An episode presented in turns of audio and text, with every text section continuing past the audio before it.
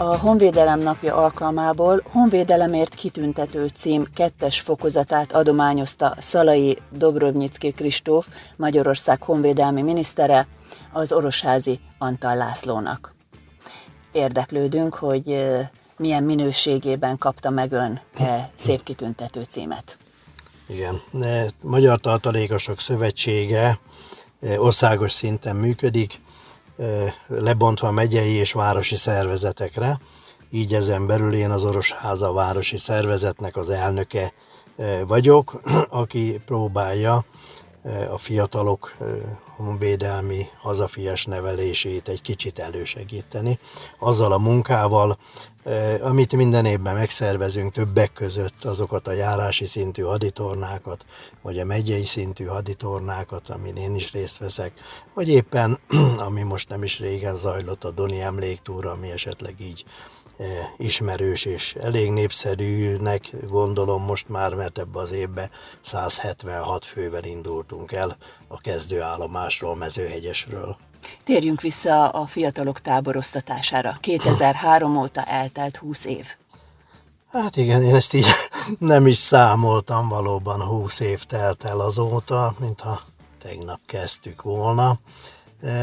Azt is el kell mondanom, hogy amikor megalakult ez a szervezet, nem feltétlen gondolkoztam én azon, hogy tagja leszek. Fölkértek, és legalább egy évet gondolkoztam, mi utána aláírtam a belépési nyilatkozatot. Aztán elkezdtük ezeket a haditornákat szervezni, és akkor voltak ötleteim, hogy mivel tudjuk még egy kicsit esetleg színesíteni, népszerűsíteni. Csináltuk három évig legalább, és az akkori városi elnökünket megválasztották a megyei elnöknek, és így megkaptam én a feladatot, hogy akkor vigyem a városi ügyeket tovább. Hát és azóta próbálom tényleg eh, legnagyobb odaadással is. Én azt gondolom elég sikere van, mert járási szinten azért eh, még az iskolák összevonása, bezárása kapcsán is olyan tíz csapat azért részt szokott venni ezeken a versenyeken. És a fiatalok mindig nagy örömmel távoznak, nagy örömmel eh, vesznek részt ezeken az érdekesnek eh, tűnő, és azok is igazából érdekes eh, feladatokon és játékokon, azok megoldásán. Például? Mitől válik egy ilyen versengés érdekessé a mai fiatalok számára? Hát ugye a lövészetet azt nyilván kivált kép kedvelik, tehát ugye azt kell az első helyre tegyem, mindig van lövészet. Amit annak idején a Orosháza városától megkaptunk egy épületrészt, az a Szentetornyai volt általános iskola, és annak a pincéjében kialakítottam egy 10 méteres szabványos légfegyvert lőteret, amit ezeken a versenyeken nagyon jól tudunk használni. Maga a hangulata is, az a boltíves tégla építmény, tehát egy, egy kimondottan komoly vonzatot hoz a, a, a gyerekek számára is, és maga a felépítése is, mert egy ilyen kis folyosón kell bemenni, és utána nyílik csak a nagyobb tér, megakadályozza azt, hogy illetéktelenül vagy hamarabb belépjen valaki olyankor, amikor éppen a lövészet folyik. Nyilván felügyeljük ezeket a dolgokat, de ennek ellenére bármi előfordult, és ez nyilván ez egy komoly dolog. Ezen kívül szokott lenni a kézigránátdobás, hát amit azzal nehezítünk, hogy mivel az a terület nem teljesen sík, és domborzatos területről vagy magaslatról sokkal nehezebb célba dobni, mint egyébként sík területen, bárki kipróbálhatja egyébként, és hát így szoktuk egy kicsit megnehezíteni. Ez is egy jó pontszerzési lehetőség. Akkor gázállarccal a szennyezett terepszakasz leküzdése, ezen kívül a honvédségnél rendszeresített, még éppen rendszerben van több helyen a, a Kalasnyikov típusú AK gépfegyver, aminek a szétösszeszerelését a gyerekek megismerhetik, és versenyszerűen időre meg is tehetik annak a szét- és összeszerelését. Lehet, hogy a hallgatók hallják a háttérzajokból, hogy itt vagyunk a helyszínen, és közeleg egy dátum is, hiszen az idei versenynek a, az időpontja mikor is lesz? Igen, így van, tehát a jövő héten szombaton, ez 2023, május 27-én reggel 9 órakor indul a következő haditorna. Tudjuk-e már, hogy hány csapat érkezik? E, most vannak folyamatban a jelentkezések, amit én tudok jelen pillanatban is, ugye konkrétan a jelentkezést leadták, az jelen pillanatban 8 csapat. Aztán a többit még várjuk. Ugye kadétiskolák működnek most már a megyébe, e, emiatt is e, számítunk egy kicsit nagyobb jelenlétre, nagyobb részvételre.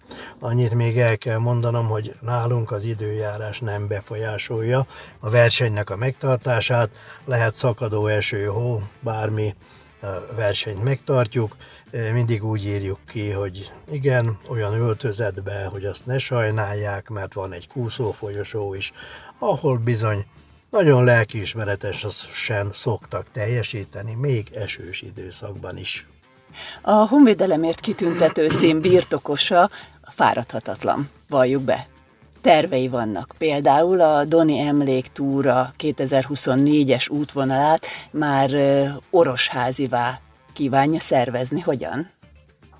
Igen, korábban beszélgettünk a túrák záró vacsoráján olyan lehetőségről, hogy egy kör túrát szerveznénk bizonyos helyen és ezt még akkor nem döntöttük el, de most arra kikristályosodott, hogy bizony Orosháza nagyon gazdag olyan emlékhelyekben, amit hogyha körbejárunk, és nyilván Orosházához hozzáértem a hozzá épült településeket is, Szentetolnya, Rákóczi telep, Gyopáros űrő, tehát nagyon sok olyan emlékhely van, és ahogy úgy kimértük, hát a 32-33 kilométer út az most is biztosítható, és ezen a túrán én úgy gondolom megint nagy lelkesedéssel vehetnek részt, különösen az orosháziak, akik most már én azt gondolom nem véletlenül, de jól ismerik ezt a túrát.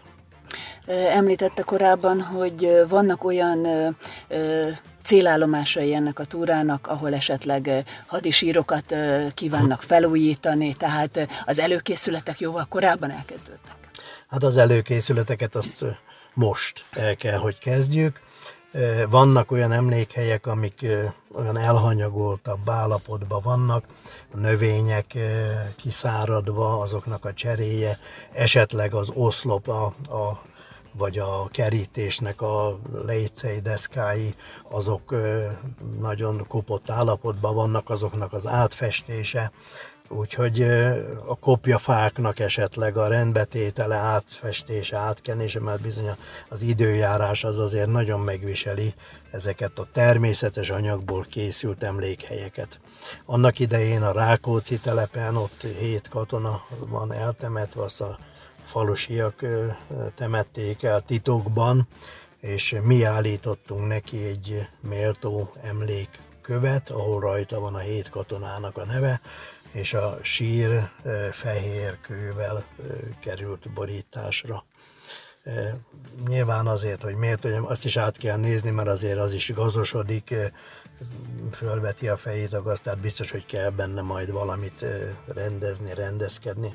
Akkor a Korvin utcai temetőbe került egy első világháborús emlékhely kialakításra, igazából nem volt semmilyen emlékmű, csak a sírkertben, a temetőben található első világháborús katonai halottaknak a pár megmaradt emlékkövét raktuk egy helyre, és abból került egy emlékhely kialakításra. De az, az eléggé gondozás köteles terület, tehát azt mindenképpen át kell nézni és, és rendbe tenni. Sok sikert kívánunk, és jó egészséget a további munkájához. Hát nagyon szépen köszönöm, bízom benne, hogy még sokáig tudom csinálni.